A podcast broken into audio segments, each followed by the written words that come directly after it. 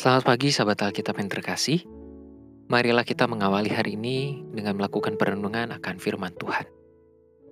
Bacaan Alkitab kita pada pagi hari ini berasal dari kitab Mazmur pasalnya yang ke-40, ayatnya yang ke-7 sampai ayatnya yang ke-12. Engkau tidak berkenan kepada korban sembelihan dan korban sajian, tetapi engkau telah membuka telingaku. Korban bakaran dan korban penghapus dosa tidak engkau tuntut, Lalu aku berkata, Sungguh, aku datang. Dalam gulungan kitab ada tertulis tentang aku. Aku suka melakukan kehendakmu ya Allahku. Tauratmu ada dalam dadaku. Aku mengabarkan keadilan dalam jemaah yang besar. Bahkan tidak kutahan bibirku. Engkau juga yang tahu ya Tuhan. Keadilan tidaklah sembunyikan dalam hatiku.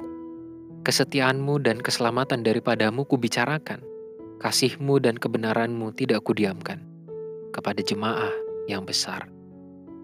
Engkau, Tuhan, janganlah menahan rahmatmu daripada aku. Kasihmu dan kebenaranmu kiranya menjaga aku selalu. Persembahan menjadi salah satu elemen dari ibadah dan kehidupan iman Kristiani yang penting. Selain itu, ada lagi konsep persepuluhan yang juga konsisten diberlakukan dalam jalannya kehidupan bergereja di sebagian besar jemaat Kristen. Kita tidak akan terlalu banyak membahas persoalan teknis mengenai persembahan dan persepuluhan yang benar, karena setiap gereja tentu memiliki landasan teologis dan tradisinya masing-masing terkait pelaksanaan kedua hal ini. Namun, melalui Mazmur pasal 40 ayat 7 sampai 12 ini, kita justru diajak untuk mengingat sebuah elemen dasar yang menentukan sebuah tindakan persembahan menjadi baik atau kurang baik. Pemasmur sedang menggugat formalitas persembahan dan kurban bakaran yang biasa dilakukan dalam tradisi bangsa Israel saat itu. Tidak sedikit tindakan persembahan dan pemberian kurban yang tidak dilandasi oleh hati yang tulus. Seolah-olah memberikan persembahan maupun korban bakaran sudah cukup di hadapan Tuhan Padahal, mereka dan juga mungkin kita melupakan pentingnya pembentukan serta kesiapan hati dalam memberikan persembahan kepada Tuhan. Itulah sebabnya di ayat 7 pemazmur menuliskan bahwa Tuhan tidak berkenan kepada korban sembelihan, korban sajian, dan korban penghapusan dosa. Hal ini bukan bermaksud untuk merendahkan nilai persembahan, melainkan pemazmur justru sedang memberikan pemaknaan yang utuh dari tindakan-tindakan tersebut. Oleh sebab itu, pada ayat 9, ia mengungkapkan kesenangan hati dalam melakukan kehendak Allah.